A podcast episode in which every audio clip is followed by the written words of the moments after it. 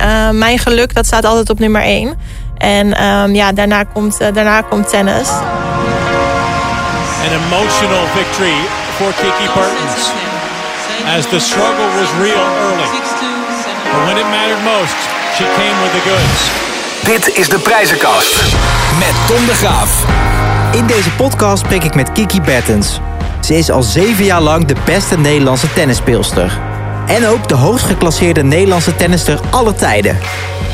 Ze vertelt over de spanning die ze vroeger had voor een wedstrijd. Ja, dat is heel erg een ding geweest. Ik denk tot uh, zes jaar geleden heb ik voor elke wedstrijd uh, moeten overgeven gewoon van de spanning. Maar ook over het sportleven van een tennisspeelster. Iedereen denkt ook altijd dat ik heel veel zie van de wereld. Uh -huh. Alleen ja, het is voornamelijk het vliegtuig, het hotel en, uh, en de trainingsbaan. En over de breuk met haar coach Raymond Sluiter. Ja, misschien gewoon op een andere manier inderdaad. Dat je er eerder beter over had kunnen praten. Um, alleen ja, dat, dat is niet zo gegaan. Maar het was nog maar de vraag of het een lang gesprek zou worden.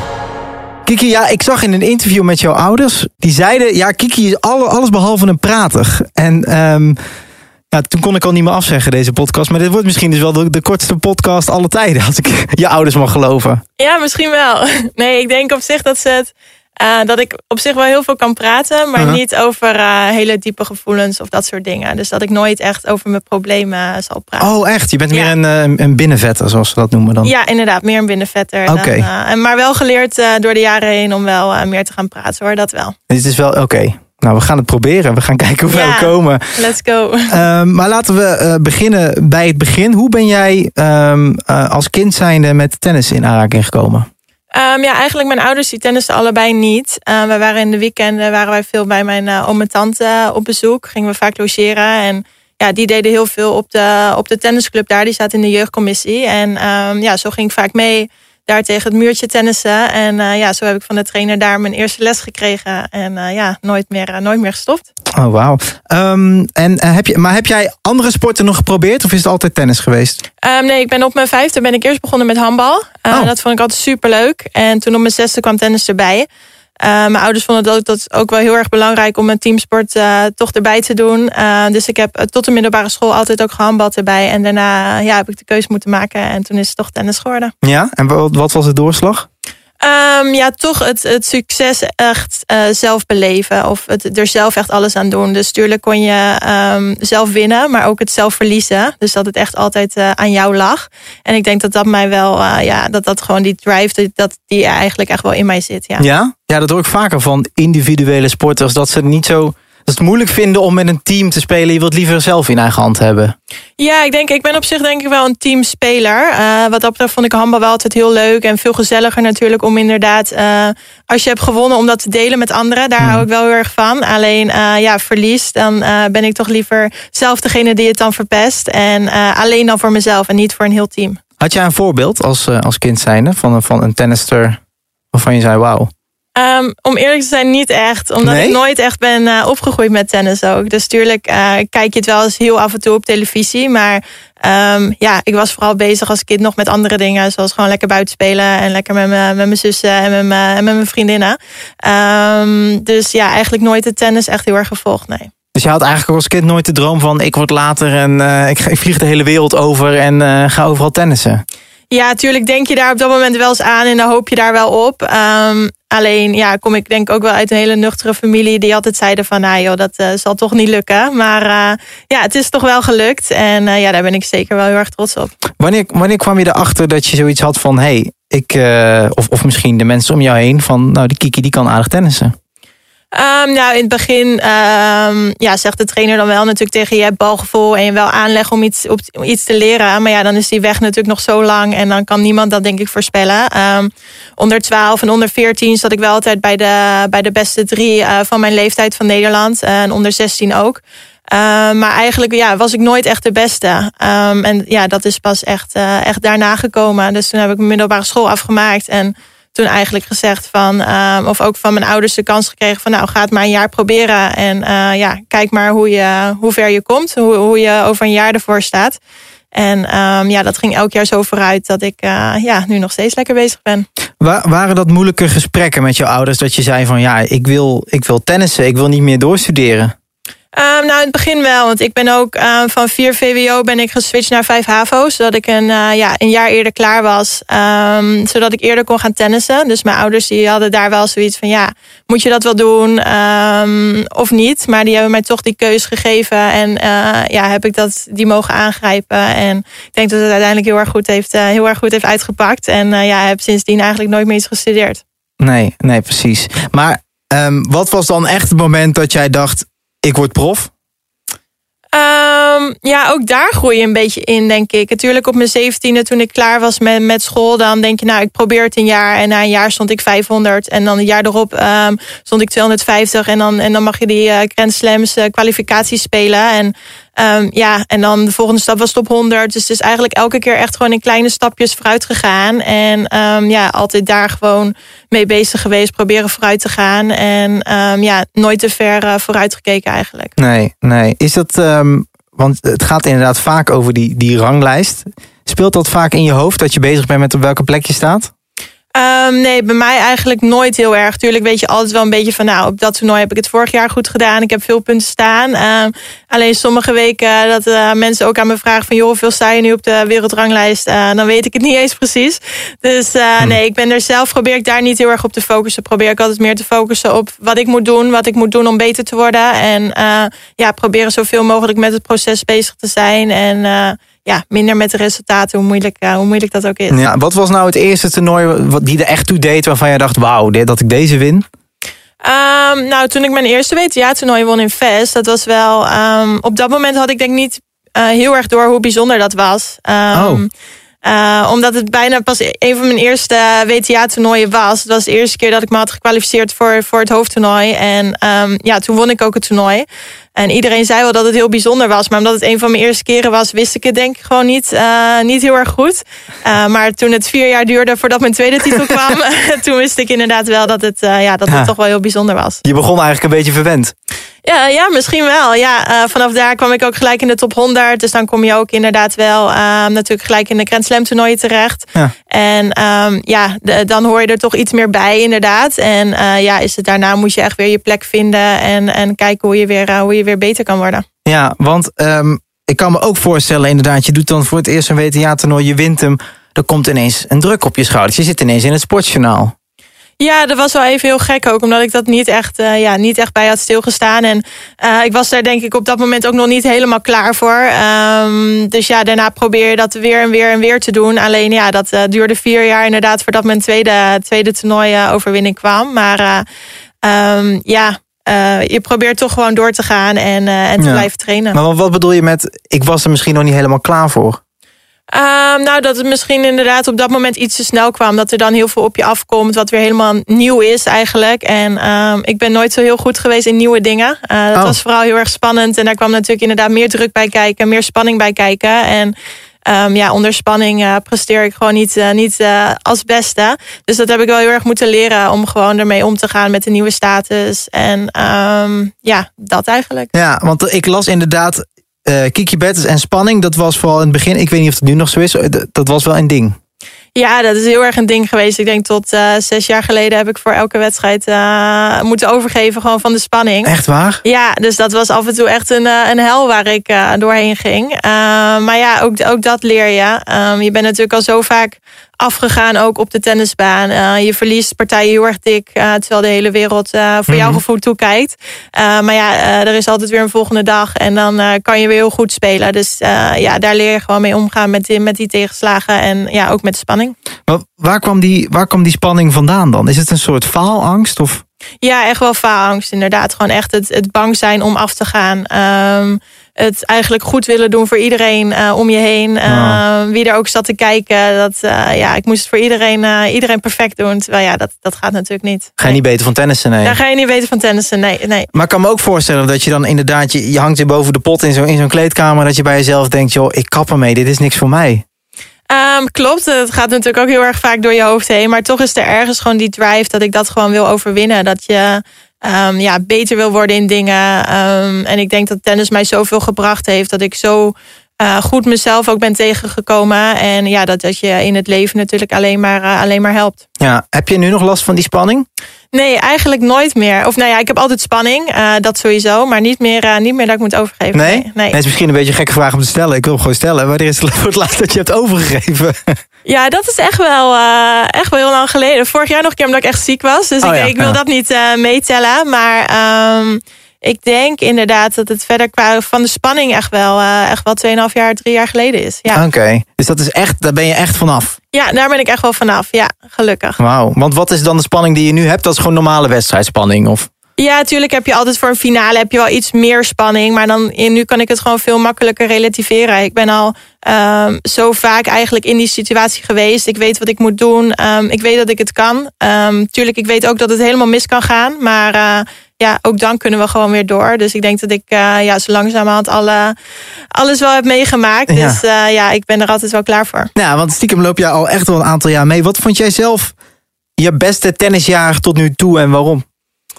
Ehm, nou ja, ik denk dat de laatste twee jaar ehm, gewoon wel het, het meest stabiel van, al- van alle jaren is geweest. Als je twee keer ehm, in de top 10 eindigt en ook twee keer de, de eindejaars eh, Masters mag spelen, dan eh, ja, denk ik dat je daar heel erg trots op mag zijn. En ehm, ja, zeker dat tweede jaar dat je dat dan nog een keer lukt. Ik denk dat dat wel het beste jaar is geweest tot nu toe. Ja. Ja. Wat, vind jij, wat vind jij de mooiste prijs in je prijzenkast?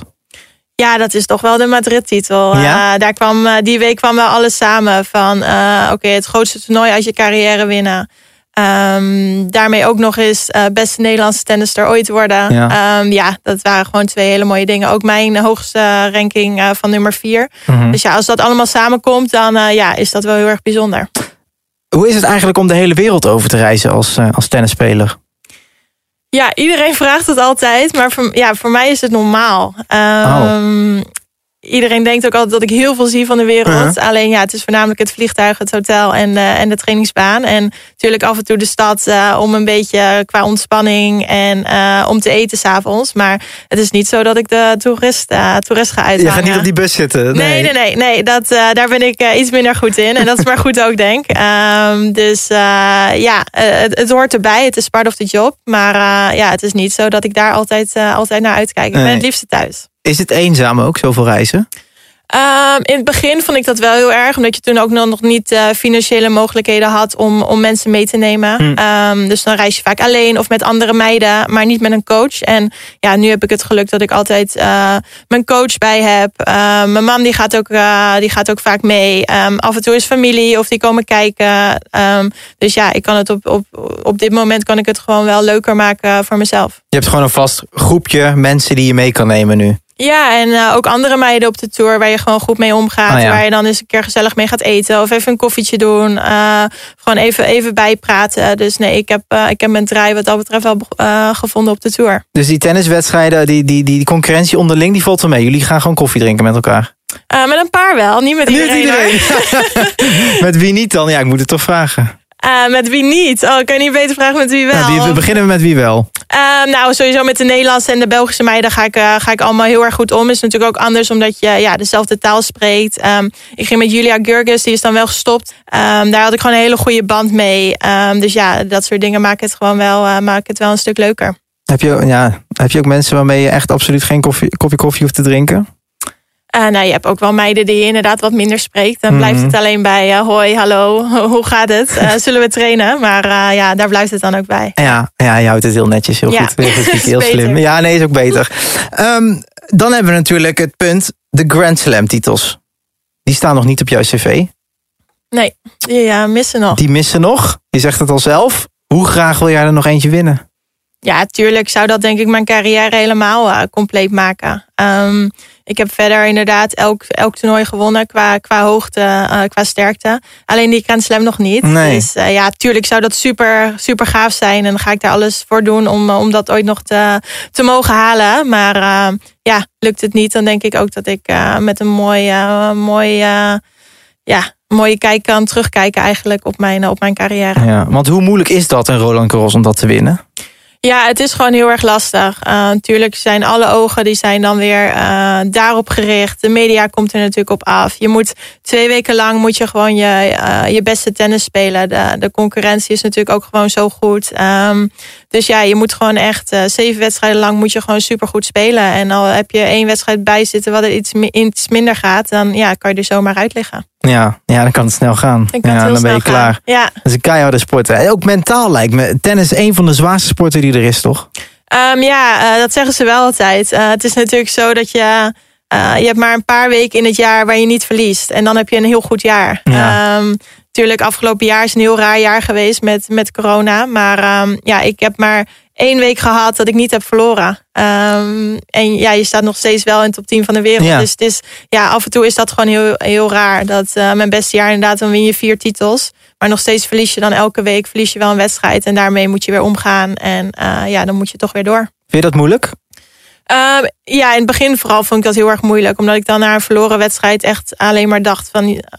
Jezus, wat heb ik het kut gedaan, om het zomaar even, uh, even grof te zeggen. Um, hoe slecht ben ik wel niet? En, en dan ging ik heel erg aan mezelf twijfelen. En dan had ik ook eigenlijk echt geen zin om te trainen. Gewoon uh, twee, drie dagen. Um, maar ja, dat helpt niet. Want een week later moet je alweer uh, aan de bak. Dus ik heb dat wel heel erg geleerd om heel, veel, heel snel te schakelen eigenlijk. Om gewoon, gewoon weer door te gaan en weer keihard te werken. En ja, de volgende week gewoon weer als een nieuwe kans zien om het, om het beter te doen. Ja, ja, je hebt in je carrière natuurlijk ook verschillende coaches gehad. De meest bekende waar, waar altijd over geschreven werd was natuurlijk uh, uh, meneer Sluiter. Ja. Um, spreek je hem nog? Um, ik spreek hem heel af en toe uh, wel nog. Ja, het is niet zo dat wij heel veel contact hebben, maar ik heb hem ja, zeker af en toe nog gezien en, en gesproken. Waarom eindigde jullie samenwerking? Um, ja, ik was toch klaar eigenlijk voor iets anders, voor iets nieuws, voor een nieuwe, nieuwe inkijk. Um, we hebben vier hele mooie jaren gehad natuurlijk samen, hele succesvolle jaren. Maar ik wilde toch kijken of ik niet met een net iets andere blik erop, met een andere kijker op, of ik dan nog net uh, het volgende stapje, ja, of dat wel nog uh, te maken valt. Lijkt me wel super moeilijk om dat tegen hem te, te zeggen op een gegeven moment, toch? Ja, dat was wel heel erg lastig. En dat is ook iets waar ik zelf uh, heel erg slecht in ben. Om, om die confrontatie aan te gaan. Of om echt, echt uh, leren kiezen voor mezelf. Om te kiezen van wat wil ik. Uh, dat heb ik heel erg geleerd uh, door de jaren heen. Um, daar heeft Ray mij heel erg bij geholpen. Dus daar ben ik hem nog steeds super dankbaar voor. Dat, het is wel ook mede dankzij hem dat ik die keuze heb kunnen maken. Dus um, ja... Daar heeft hij zelf de credit wel aan verdiend. Tuurlijk heeft het dan wel geleid dat wij samen gestopt zijn. Maar ik denk toch gewoon dat we kunnen terugkijken op een ja, super mooie tijd samen. Ja, want um, ja, jij zegt dus, ik ben conf confrontatie meiden. Had je het eerder tegen hem willen zeggen? Ja, misschien gewoon op een andere manier inderdaad. Dat je er eerder beter over had kunnen praten. Um, alleen ja, dat, dat is niet zo gegaan. En um, ja, daar kan ik nu niks meer aan veranderen. Maar daar hebben we, daarna hebben we daar nog wel over gepraat. En denk ik dat dat nu gewoon, uh, ja, dat dat nu gewoon prima is. En dat het goed zit van beide kanten. Hij was daar heel chill mee toen jij ermee kwam. Nou ja, het was natuurlijk ja, het was lastig. Natuurlijk voor beide is dat op dat moment heel erg lastig. Um, ook omdat ik er een beetje tegenaan zat van ja, moet ik het nou wel doen of niet? En toen ja. ineens, nou, was het toch daar. Um, maar um, achteraf gezien denk ik, ja, misschien had het inderdaad iets anders gekund. Had ik dat anders moeten aanpakken. Alleen, ja, dingen gaan zoals ze gaan. En uh, ja, daar leer je weer van voor een volgende keer. Ja, en, en, uh, en toen ga je dan doorzoeken naar een andere coach? Had je al iemand op het oog? Um, nou, eigenlijk de coach waar ik, uh, waarmee ik nu werk, Elise Tamaela, die uh, was al onderdeel van ons team. Mhm. Mm -hmm. Dus zij ging al de helft van de weken mee. Zij is ook uh, fysiotherapeut en zij deed met mijn fysieke begeleiding. Um, en nu neemt ze dus ook het coaching gedeelte op zich. Dus eigenlijk is ze nu ja, drie in één. Drie in één? Drie in één, wow. ja. dus dat is ook wel uh, ja, heel bijzonder. En het is wel heel intens. Uh, want ja, ze doet eigenlijk alle aspecten van, de, van mijn tennis doet zij dus. Um, alleen dat is ook wel heel erg fijn. Uh, om zo één persoon te hebben waar je heel erg op vertrouwt. En waarmee je een leuke tijd hebt. jij zegt ook, en um, als het niet zo is moet je zeggen. Tennis is niet alles in het leven. Um, wat, is dan, wat is er nog meer zo belangrijk voor jou? Nou, voor mij staat inderdaad gezondheid, familie en, Hmm. mm. en vrienden. Um, gewoon mijn ontspanning, uh, mijn geluk, dat staat altijd op nummer één. En um, ja, daarna komt, uh, daarna komt tennis. Uh, en dat heb ik wel geleerd inderdaad om het, om het niet om te draaien. Ehm, het belangrijkste in het leven is toch dat je gelukkig bent. En uh, als dat zo is, dan maakt dat de kans dat het in, de, in je tennisleven goed gaat, uh, maakt het ook weer groter. Dus uh, ja, daar, daar probeer ik allereerst altijd op te focussen. Ja, want jij hebt um, in je leven ook al wat dingetjes meegemaakt, als in qua, qua gezondheid. Op een gegeven moment ontdekte je een knobbel op je schildklier, als ik het goed heb. Ja. Um, ja, dat lijkt me onwijs schrikken, als je dat op zo'n jonge leeftijd te horen krijgt. Ja, dat was wel even heel erg uh, schrikken. Ja, toen was het echt dat voor mijn gevoel stond de wereld gewoon echt even stil. En dan het enige wat uh, door mijn hoofd ging was, uh, ja, als ik maar niet doodga. Terwijl zo erg was het helemaal niet. Maar in mijn hoofd uh, was die beleving daar wel. Dus ja, dat was wel echt een heel zwaar jaar, ja, zwaar jaar geweest. En ben ik heel blij dat het allemaal goed is gekomen. En um, ja, dat ik gewoon nog steeds onder controle ben. Maar dat het eigenlijk elk jaar gewoon helemaal, helemaal goed is. En, Want het bleek goed aardig, voor de duidelijkheid, toch? Ja, ja nee, het blijkt inderdaad van 98% is het gewoon goed aardig. Ja. Dus daar gaan we gewoon vanuit. Maar ik sta nog steeds onder controle. En okay. dat wordt elk jaar gecheckt. Maar dat uh, ziet er allemaal goed uit. Ja. Oké, okay. maar ik kan me inderdaad voorstellen, je hebt het net over stress, paniek. Je raakt op zo'n moment, als je, als je die uitslag, of tenminste als ze dat ontdekken, dan raak je toch in paniek. Ja, ik raakte heel erg in paniek. Ik heb ook echt een half jaar bijna niet geslapen. En um, ja, dan is tennis wel het minste waar je aan denkt. Maar um, ja, ook toen wilde ik niet over mijn gevoelens praten. Dus naar mijn ouders toe en naar mijn familie was het ook wel heel erg lastig. Want uh, als die dan vroegen hoe ging het, uh, ja, het gaat goed. Maar die zagen natuurlijk zeker wel dat ik, uh, dat ik het er zwaar mee had. Maar ja, ik liet dat gewoon niet zien. Maar ja, dan, Oh. dan kan je, word je ook niet geholpen. En dan ja, blijf je er echt zelf in hangen eigenlijk. En hoe ben je eruit gekomen dan? Nou, eigenlijk een jaar lang was dat echt wel gewoon hel. Gewoon slecht slapen. Prestaties natuurlijk ook, ook minder goed. Maar um, ja, totdat ik een, een, nieuwe, nieuwere test kon doen... die wel in Amerika op de markt was. Uh, waaruit blijkt, dus bleek dat het wel voor uh, 98% goed aardig was. En ja, toen viel er wel echt een last van mijn, uh, van mijn schouders af, ja. Ja, dat heeft veel invloed gehad op je, op, ja, op je carrière, neem ik aan, op zo'n jaar. Ja, maar ook daar word je weer sterker van achteraf. Um, tuurlijk, je leert inderdaad relativeren van wat inderdaad het belangrijkste is in het leven. Is dat je je goed voelt, uh, dat je gezond bent. En um, ja, daar mag je altijd gewoon heel erg, heel erg Ja. blij mee zijn. En dat is hetgene wat telt. Dus dan uh, ja, is, daarna maakt het verliespartijen ook wel weer makkelijker om dat, uh, te, dat te relativeren. Ja, ja, is dat ook de reden dat jij nu zegt van ja, weet je, tennis is niet het belangrijkste? Dat, doordat je dit soort dingen hebt meegemaakt? Ja, zeker. Ja, ja, en ook gewoon in je familie dat er natuurlijk gewoon dingen. Je zussen uh, krijgen ook kinderen, weet je, dat soort momenten. Dat zijn gewoon echt wel geluksmomenten die je met, met elkaar beleeft. En uh, ja, normaal mis ik die altijd natuurlijk, omdat ik zo vaak uh, onderweg ben. Dus ja, dat zijn wel de dingen waar het uiteindelijk natuurlijk in draait om het leven. Ja. Um, de tennis is, is nog uh, nu voor een bepaalde tijd. En dat is niet voor altijd. En uh, ja, mijn leven, dat, uh, dat, dat is er hopelijk wel nog voor heel veel langer, ja. Ja, ja jij bent in 2019 getrouwd met ja, de fysio, Remco. Ja.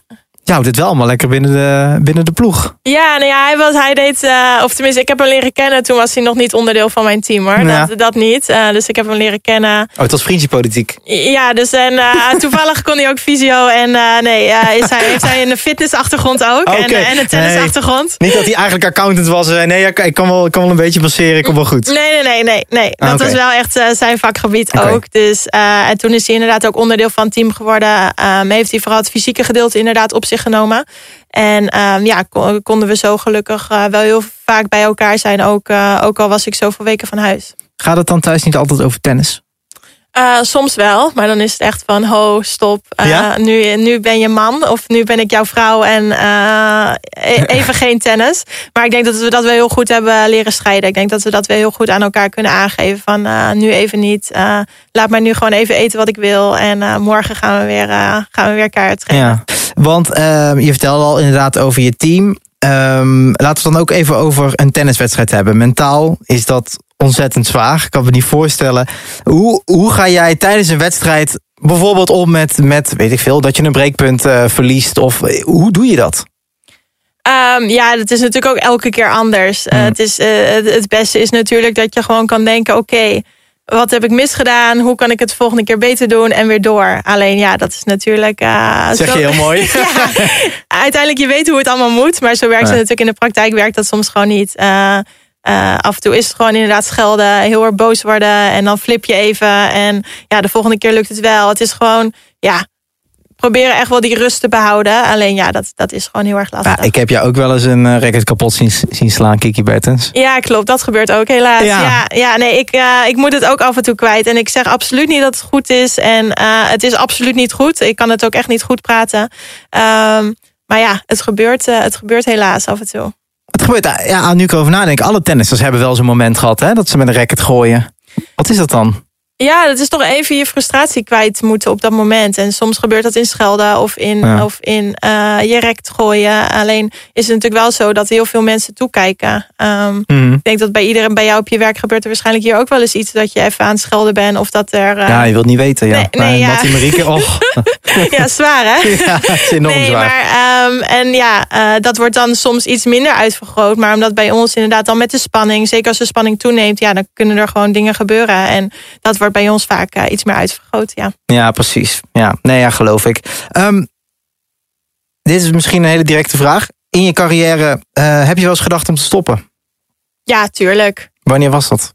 Um, ja, uh, elk jaar komt het wel een keer uh, in me op. Dat ik denk van, oh, uh, na, na een zware verliespartij... dat je denkt, oh, waar doe ik dit allemaal voor? Het is toch niks aan. Ik werk me helemaal de pleuren, om het zo maar even te zeggen. En er komen geen resultaten of, of dat soort dingen... gaan natuurlijk best wel vaak door je hoofd heen. Maar dan is daarna ook wel weer van, nou, die drive... om het juist beter te doen, om er echt het maximale uit te halen. En um, ja, daar gewoon weer kaart voor te gaan. Ja, nou, ik vind het wel, uh, nou, dat vind ik wel knap. Je moet jezelf elke keer maar weer oppeppen, toch? Ja, en dat is soms inderdaad echt wel lastig. Uh, het zijn gewoon wel hele zware jaren geweest. Ik heb altijd veel toernooien gespeeld. Um, daarom was dit jaar echt wel een soort van bijkomen. Natuurlijk uh, was het heel vervelend dat we weinig konden spelen. Alleen hebben we daar wel weer het beste van gemaakt. En uh, ja, toch iets meer ontspanning uh, weer uh, gezocht. En mm. hopelijk kunnen we er dan dadelijk weer tegenaan. Ja, want ik zag jou laatst, ja, we moeten het toch even over hebben. Die beelden dat jij in een rolstoel van het veld gaat. Ik vond dat er super heftig uitzien. Ja, dat was ook al toen ik zag, heb het ook teruggezien. En toen dacht ik wel van, oh, dat was wel heel erg inderdaad ja. hoe het eruit zag. Um, ik wilde ook in eerste instantie wil ik ook even rechtzetten. Ik wilde niet in een rolstoel het veld af. Oké. Okay. Uh, ik zei gewoon, ik ga lopen. Alleen op het moment dat ik opstond, schoot er weer uh, van uh, mijn kleine teen tot mijn nek schoot, schoot de kramp erin. dus de fysio's lieten mij gewoon niet, niet de baan afgaan. Dus ik moest echt gaan zitten en zo wow. werd ik afgereden. Want ja. Wat gebeurde er? Je hebt, jouw lichaam was gewoon op of wat gebeurde daar? Ja, ik weet het nog steeds niet. Ik vond het heel raar, want ik voelde me niet vermoeid. Ik had gewoon goed gegeten, goed gedronken. Um, het was natuurlijk, het was heel erg koud. Ik zweette heel veel.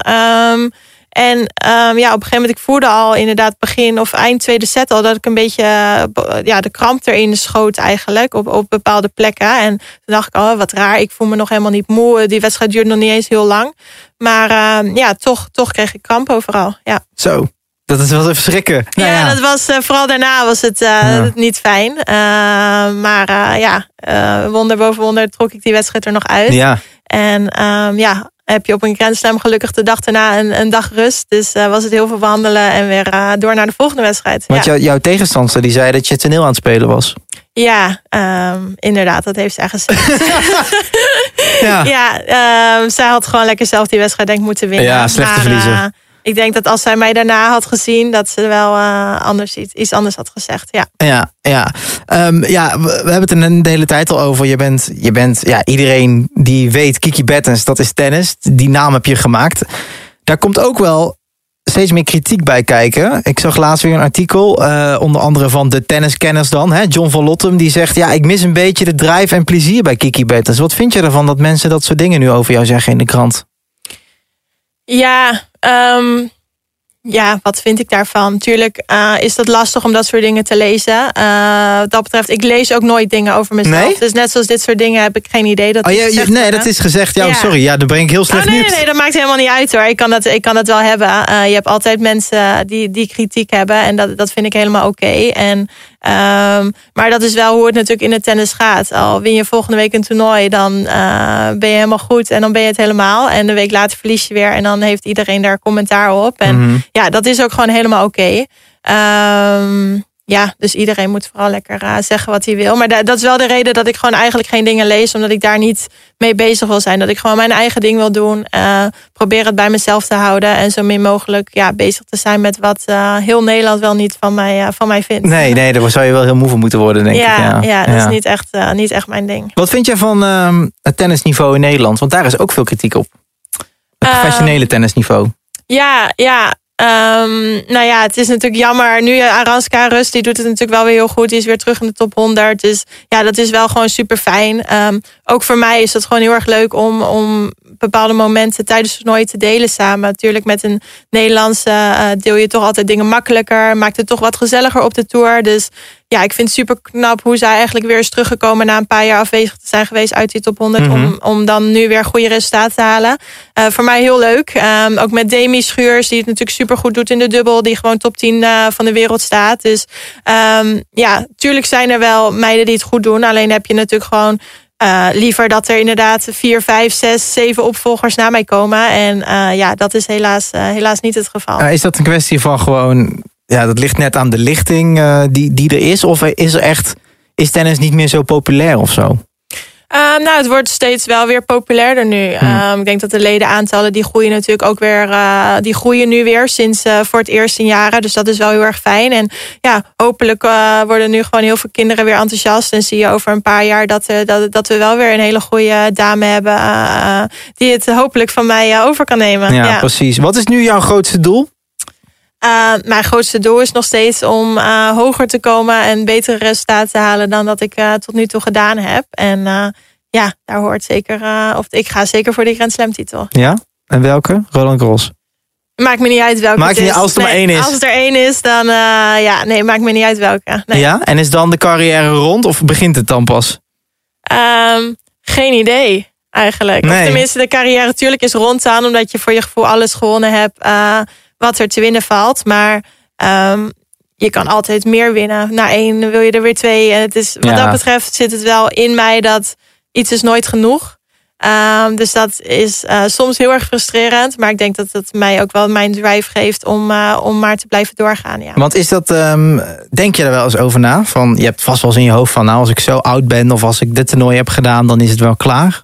Ja, tuurlijk denk je daar wel eens aan. Alleen vind ik het heel lastig om daar een een tijdsbestek aan te verbinden. Um, ik heb altijd het idee gehad van zolang ik er um, op zo'n manier plezier in hou om te blijven doen wat ik doe. Uh, om keihard te blijven werken dag in dag uit. Om mezelf te verbeteren.